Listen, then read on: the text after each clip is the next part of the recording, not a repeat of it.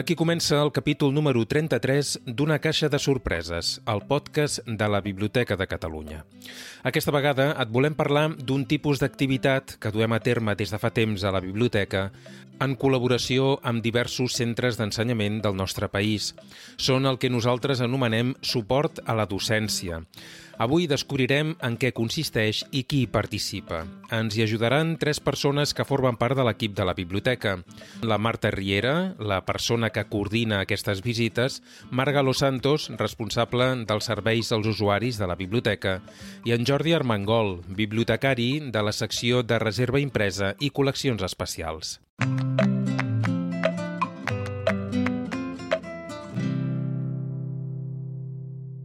Una caixa de sorpreses, el podcast de la Biblioteca de Catalunya.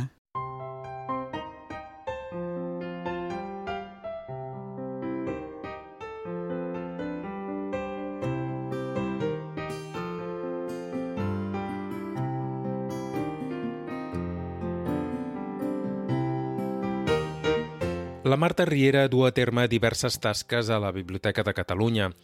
Una d'aquestes feines és la coordinació de les diferents visites que la biblioteca acull al llarg del curs escolar. Ella s'ocupa sobretot de les visites que fan els alumnes de primària, secundària i batxillerat. A més d'aquestes, hi ha visites per a universitaris, cicles formatius i per a gent gran que estudia a la universitat. La Marta ens explica en què consisteixen, a grans trets, aquestes visites. Seria la visita tipus, que seria la visita general, que ve el grup i fem una explicació de la institució i de l'edifici, perquè aquí sempre diem que la importància de la biblioteca es dobla perquè mm, estem en un edifici singular d'estil de, gòtic civil però també perquè és una institució singular que és la Biblioteca Nacional de Catalunya i, per tant, com a biblioteca té un funcionament diferent a les biblioteques que tots aquests eh, alumnes que venen no estan gens acostumats a visitar. Però després també faríem alguna sessió més específica, com aquestes sessions dedicades a la sala Cervantina, que aquestes tenen molt d'èxit, algunes a vegades també demanen sessions específiques sobre l'hospital. Alguns alumnes a vegades venen d'arquitectura, que llavors volen ben bé visites de l'hospital. I després també, unes altres específiques serien les que se fan a l'Arxiu Joan Maragall, que també fan visites d'aquestes de docència. De l'Arxiu Maragall en vam parlar en un altre capítol del nostre podcast. És el número 18, per si el vols recuperar.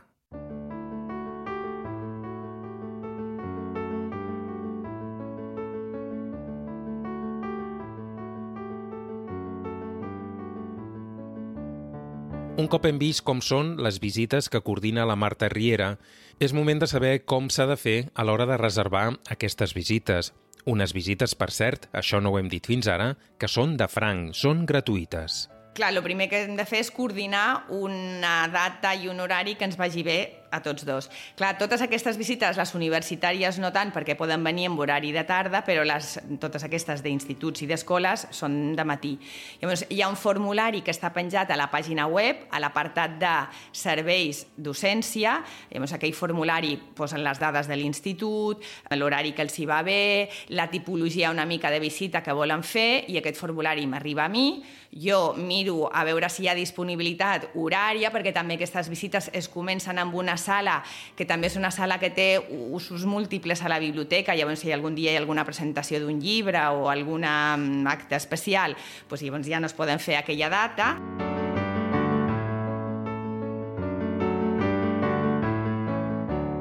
Les visites que són universitàries les fa el personal del Servei d'Accés i Obtenció de Documents, el SAIOT. Les visites de la Cervantina les fa el personal de la secció de reserva impresa i col·leccions especials, depenent de la unitat bibliogràfica. I tota la resta les externalitzem amb una empresa. Llavors, clar, també, una vegada que coordinem l'horari, també s'ha de mirar si l'empresa, que normalment si avisem amb una certa antelació ja té disponibilitat, però també s'hauria de parlar amb l'empresa a veure si es pot fer o no es pot fer.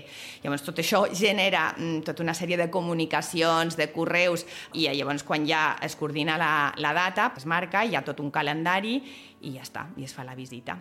Per a poder fer aquestes visites no hi ha cap requisit especial, més enllà d'un límit de persones per cada grup. L'únic requisit és que els grups no siguin superiors a 25 persones. De totes maneres, nosaltres ens adaptem pràcticament a tot, o sigui, a um, la disponibilitat um, horària, als grups, perquè clar, què passa? Que molts d'aquests grups que venen són grups de fora de Barcelona i clar, um, pues, um, ells organitzen, per exemple, la sortida de segon d'ESO i llavors pues, són potser quatre grups.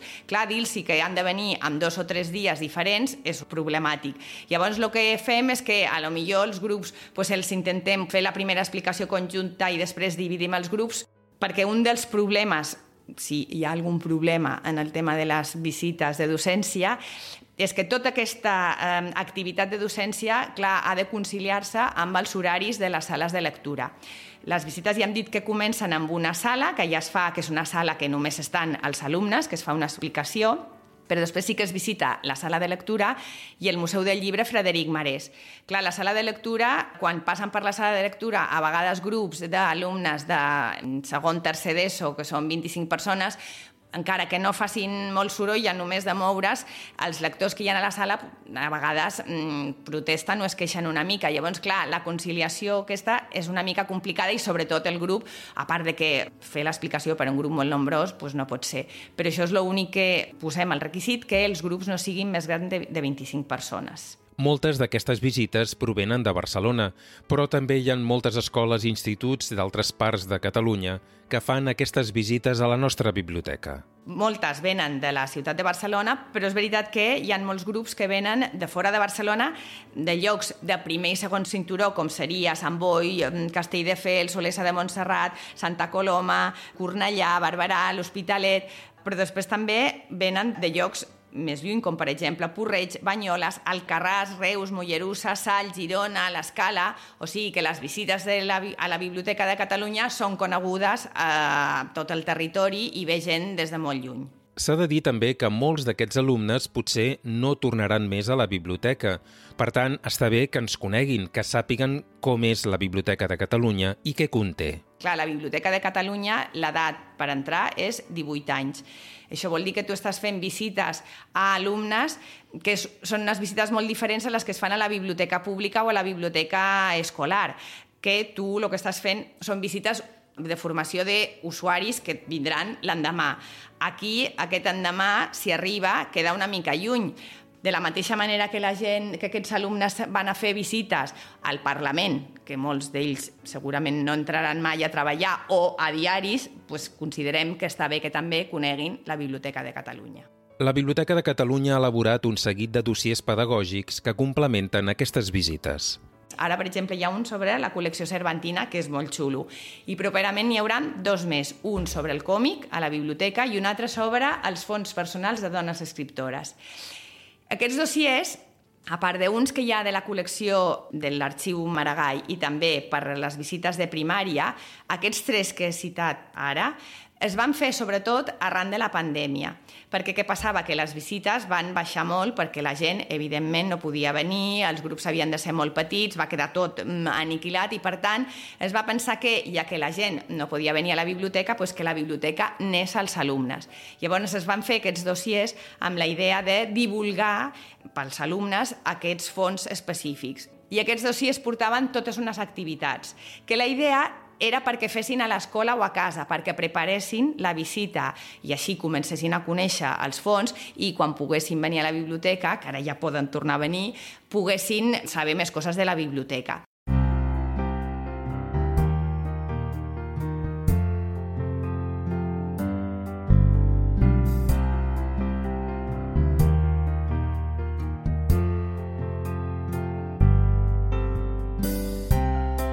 La Marta Riera, la persona que coordina les visites pedagògiques que oferim des de la biblioteca, ens explica quin objectiu tenen aquestes visites. Jo diria que les de primària, secundària i batxillerat eh, més aviat serien mm, per donar-nos a conèixer. Les universitàries jo crec que tindrien una altra missió. I les de la Cervantina potser també és com una mica de recolzament de la tasca educativa que fan a l'escola però els grups de secundària i sobretot els de primària doncs, venen a fer com una visita mm, cultural.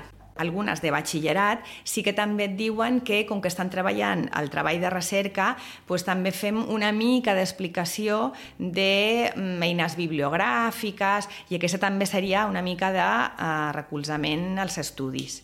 La Marta ens parla també de la seva experiència fent visites. Com que jo abans treballava al Servei d'Accés i Obtenció de Documents, n'havia fet moltes, tant universitàries com a gent més jove si puc ser sincera, les d'alumnes més joves sempre feien molta mandra, la veritat, perquè deies ara m'hauré d'enfrontar amb un grup de nens, no em faran cas, els hauré de fer callar, i déu nhi lo agraïdes i lo gratificants que eren, perquè és veritat que aquells nens arribaven allà sense tenir idea de res i és veritat que tu els explicaves tres o quatre anècdotes, tipus que els documents no estan tots a la sala, que estan en un magatzem guardats, que aquell edifici havia sigut un hospital, i totes aquestes anècdotes feien que aquella gent que no tenia cap mena d'interès, realment jo crec que sortissin interessats i sobretot sapiguent que en aquell lloc de Barcelona, perquè clar, ve molta gent de fora, però també ve gent de Barcelona que no saben que en aquest pati hi ha aquesta biblioteca, s'interessessin per la biblioteca en general, no per aquesta, però també per les biblioteques.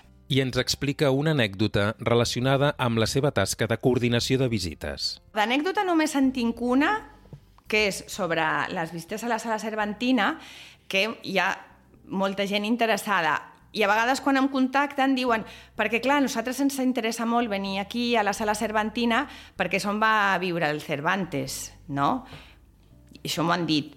I clar, aquí nosaltres tenim una de les col·leccions cervantines més importants del món. Però clar, el Cervantes aquí no va venir a fer res, que sapiguem, tot i que quan es passejava per Barcelona, això ja era un hospital, però que sapiguem no va venir a fer res.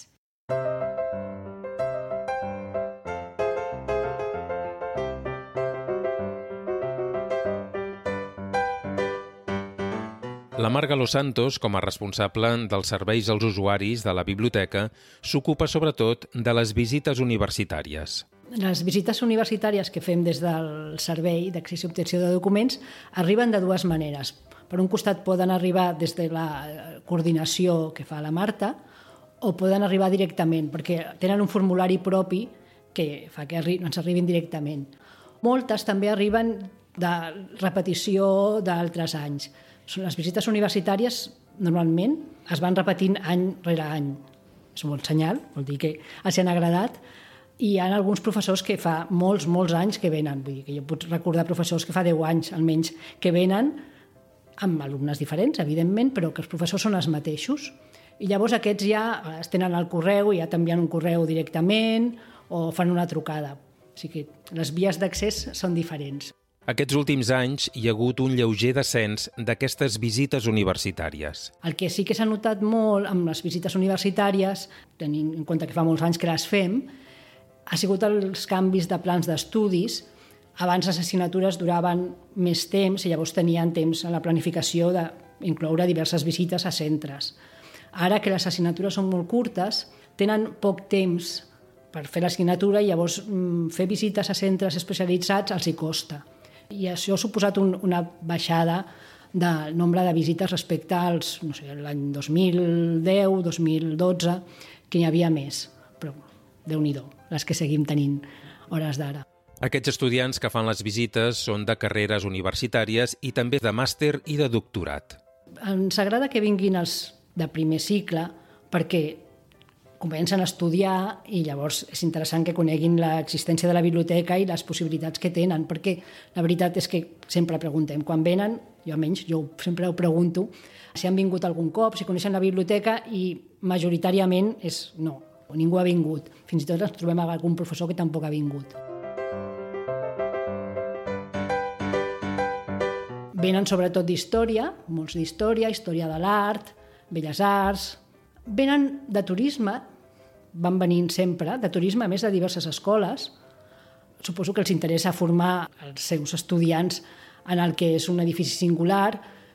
Hi han professors que els interessa el material que tenim aquí, ells no tenen una biblioteca rica i amb documents i llavors els interessa el que tenim.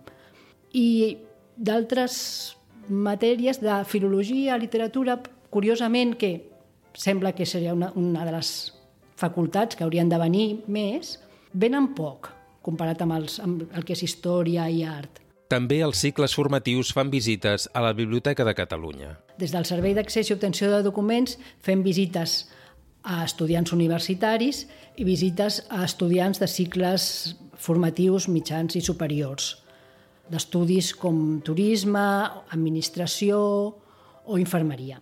Aquests estudiants, tant els universitaris com els dels cicles formatius, poden fer també visites més especialitzades que van a càrrec dels diferents departaments de la biblioteca. A part d'aquestes visites que fem en el Servei d'Accés i Obtenció de Documents, hi ha visites molt especialitzades que fan directament dins de les unitats o serveis especialitzats. Visites sobre fons de música, les poden fer des de la secció de música o de manuscrits, visites que es miren documents relacionats amb la conservació, la preservació, des del servei de preservació, altres que consulten document gràfic, les fan des de la unitat gràfica, o material sonor i audiovisual, que també poden fer-ho des de la unitat de sonors i audiovisuals.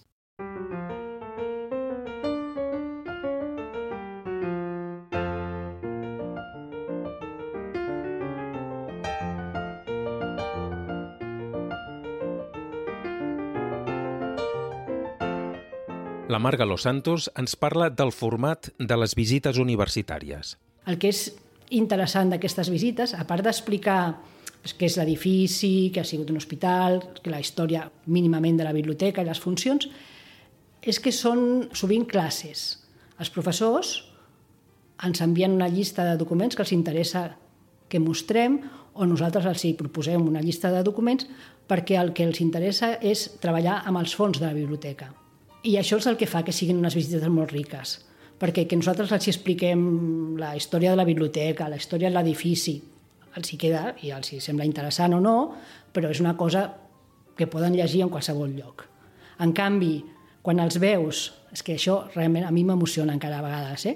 quan els veus davant dels documents originals, els hi canvia la cara. Pot ser que sigui un grup que els veus allà a les cadires escoltant amb més o menys atenció o que els interessa... Bueno, més o menys.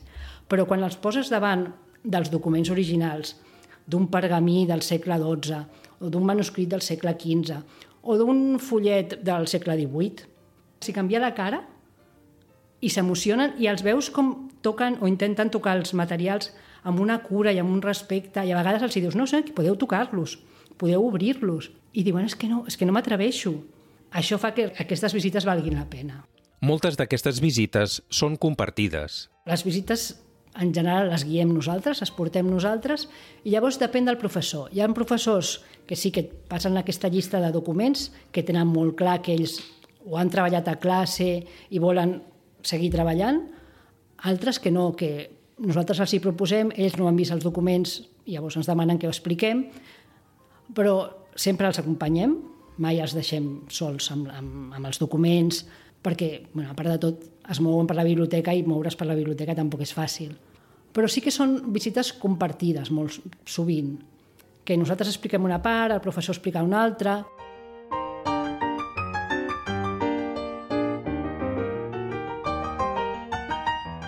D'història contemporània de la Pompeu Fabra venen molts grups, perquè fan sis visites, tres dies, sis visites seguides, i aquests sí que els ensenyem documents, uns, els fullets bons soms, que són aquests documents que expliquen la vida petita de la història de Catalunya del segle XVI al XVIII, podríem dir.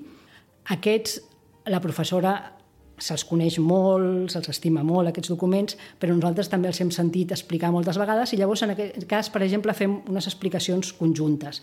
Ella explica una part, i jo explico una altra, o qui la fa explica una altra, i t'interromp, no, voldria aclarir això, voldria ampliar aquesta informació, i llavors són visites interessants i una de les coses que a mi m'agrada és que nosaltres aprenem moltíssim.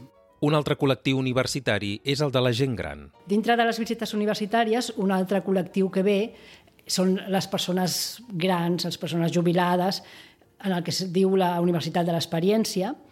També és un col·lectiu molt agraït de fer. Aquestes visites ens agraden perquè són gent que està estudiant perquè vol, ja normalment és això, gent jubilada, que té interès en una matèria o una altra, que s'apunta a estudiar història, literatura, art, i llavors venen, tenen tot el temps del món, tenen molta curiositat i són gent que pregunten molt, fan moltes preguntes.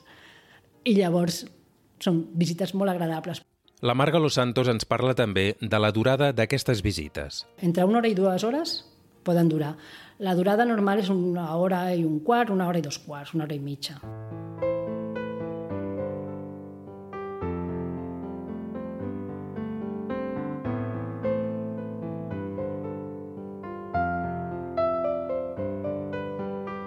Al Servei d'Accés i Obtenció de Documents hi ha tres persones que fan visites universitàries, unes visites que es reparteixen al llarg del curs acadèmic. Les visites universitàries estan lligades al curs escolar. Llavors, en fem unes 40, entre 40 i 50 a l'any, però no vol dir que estiguin repartides al llarg de tot el curs, de tot l'any, sinó que es concentren en el període entre octubre maig. Llavors, encara que siguin 40, que d'entrada semblaria una per setmana tranquil·lament, no. Estan molt concentrades i hi ha setmanes que podíem trobar-nos amb tres visites llavors s'ha de planificar bé i ens en demanen alguna altra i hem de dir que no perquè les visites són una part més de la feina que es fa en el Servei d'Accés i d'Obtenció de Documents i no podem abocar tots els recursos a aquesta feina. Per a la Biblioteca de Catalunya és molt important aquest contacte amb el món docent i universitari. Treballem pels ciutadans, pels estudiants, pel públic. Llavors, si només mirem el que tenim aquí i no sabem les necessitats, els interessos que tenen fora, tampoc té gaire sentit la nostra feina. I que vinguin i ens demanin i ens preguntin i veiem que els interessa, és molt útil. I una cosa que és maca és quan estàs un altre dia, després de la visita, atenent al públic i ve una persona, novament això, un noi, una noia jove, i et diuen tu em vas fer la visita i ara vinc a fer el treball sobre això que ens vau explicar. I això pues, és gratificant, la veritat.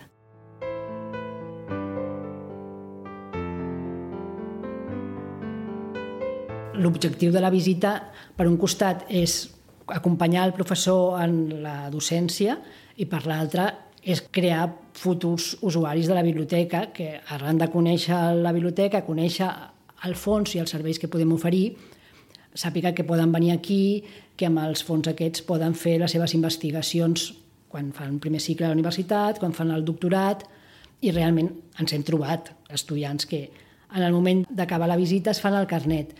Això és una cosa bastant habitual. Els expliques, expliques els serveis, han vist els documents, llavors els hi dius, quan, si voleu, si voleu venir a la biblioteca, necessiteu el carnet. I quan acaben la visita, a vegades tots, a vegades alguns que els interessa més, es fan el carnet, que és gratuït.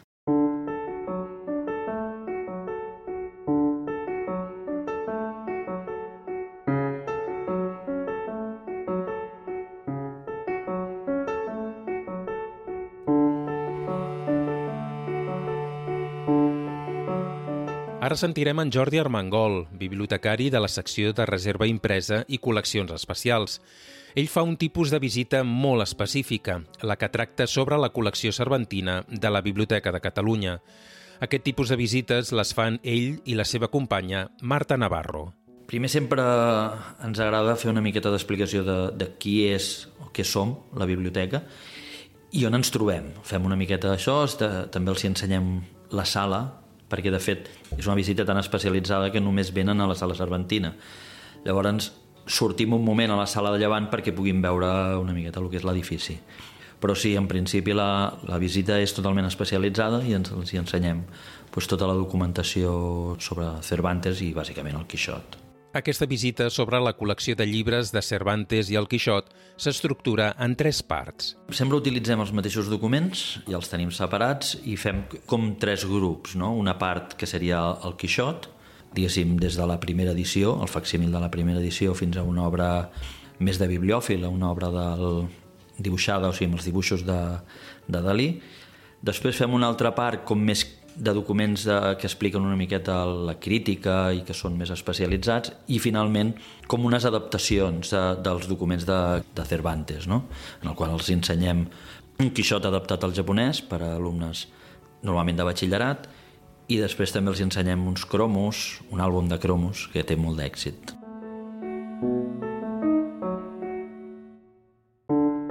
Bàsicament la fem nosaltres, l'explicació. El professor se senta amb els alumnes i sí que bueno, doncs, eh, anem explicant la biblioteca i després anem explicant document per document.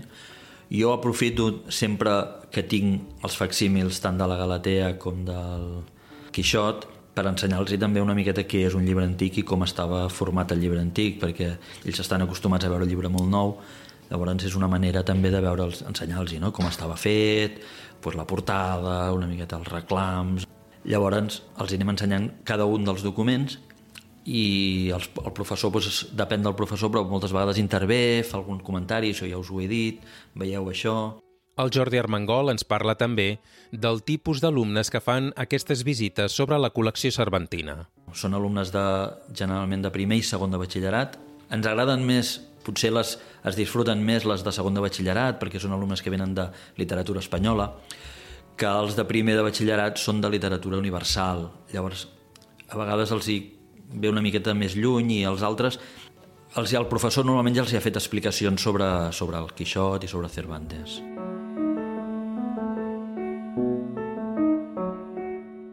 Jo intento que siguin una miqueta participatius, no els hi fas preguntes, perquè si no, moltes vegades, sobretot els de primer de batxillerat, es queden com mirant-te.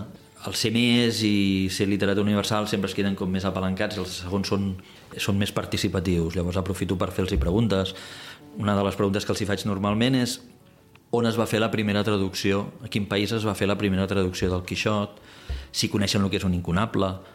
Després també els dic, estem a la sala Cervantina, són tot llibres de Cervantes, però n'hi ha un que està aquí dins que, tot i que és molt relacionat amb aquesta obra, doncs no és de Cervantes pròpiament, i se't queden tots mirant i no saben el què, doncs els hi dius que és pues, la, la segona part d'Avellaneda, no? Llavors, n'hi ha que ho saben, n'hi ha que no, llavors fas una mica l'explicació. Que Avellaneda se suposa que era el pseudònim d'algú, que no se sap qui és, que va fer aquesta obra abans de la segona part del Quixot i que, en certa manera, Cervantes, segurament enfadat per aquesta obra, alleugereix la seva segona còpia i bueno, molts experts fins i tot arriben a dir que Cervantes si no hagués hagut aquesta segona part del Quixot d'Avellaneda, no li hauria donat temps a escriure-la. També hi ha alumnes que passen per la Biblioteca de Catalunya en una de les activitats que formen part de la visita Cervantes a Barcelona. Una miqueta enganxat amb aquesta visita, els ensenyem unes làmines d'un llibre d'una edició portuguesa en la que ja es veu, el, és la segona part del Quixot, on es veu la, la Basílica de Santa Maria del Mar, o els ensenyem els expliquem el llibre de, de Riquer que parla de Cervantes a Barcelona. Llavors introduïm tot això en, el, en la visita.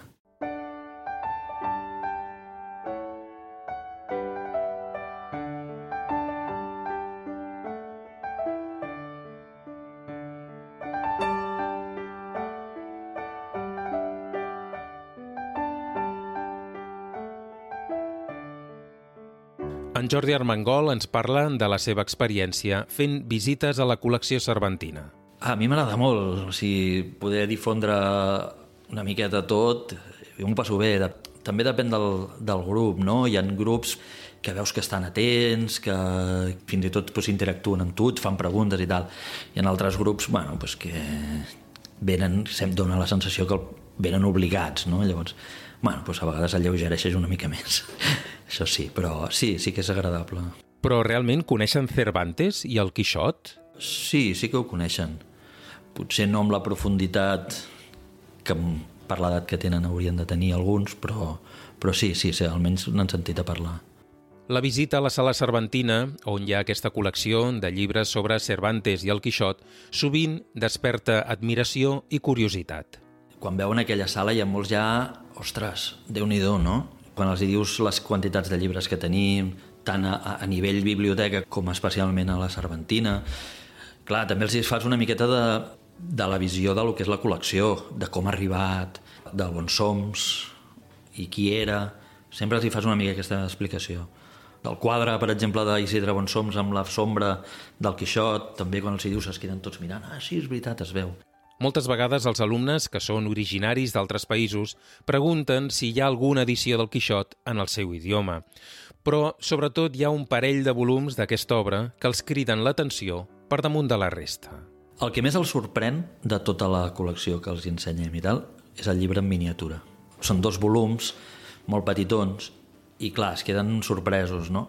Sempre intento aprofitar per difondre una miqueta més al fons amb certes coses i els explico que és una miniatura. Això sí que els sorprèn moltíssim i els hi... Quan veuen aquells llibres tan petitons, ostres, i es pot llegir? Llavors els hi fas la broma, no?, de, de mira, això el fiqueu aquí a la butxaca i en l'examen, tal. Això davant del profe, eh, que se ho senti per si de cas.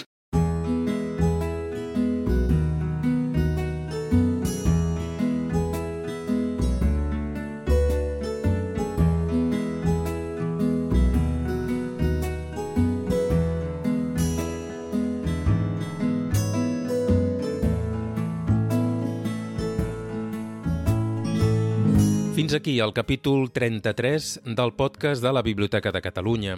Si vols ampliar el que ens han explicat tant la Marta Riera com la Marga Los Santos i en Jordi Armengol, t'hem deixat uns quants enllaços complementaris amb més informació a la pàgina web del nostre podcast. L'adreça és bnc.cat barra podcast.